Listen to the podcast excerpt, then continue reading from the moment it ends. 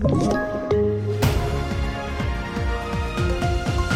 Det här är TV4-nyheterna och vi börjar med att berätta att SAS-piloten inte längre kommer flyga hem charterturister som hamnat i kläm under strejken. Det meddelar pilotfacket SPG i ett pressmeddelande till NRK.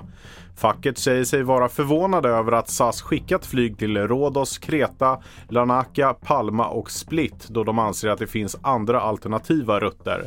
Den sista flygningen görs under söndagen.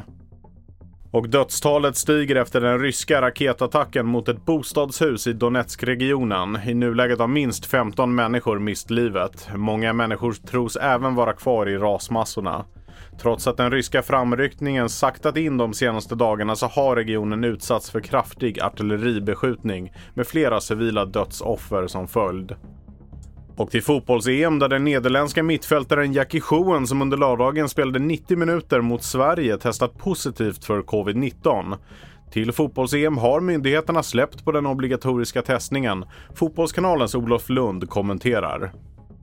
Nej, man har lättat, precis som svenska samhället har lättat på eh, covid-restriktionerna så har även eh, fotbollsorganisationerna följt med. Och, och jag menar det här präglar ju allt. Så att nej, man har ju på något sätt lättat på det och det är ju...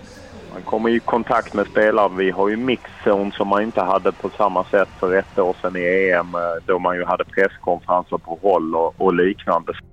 Och en av Robinsons mest välkända programledare, Anders Lundin, gör comeback efter 20 år. För några månader sedan kunde Nyhetsmorgon avslöja att Petra Malm skulle kliva in som programledare för Robinson och hon har precis spelat in höstens säsong.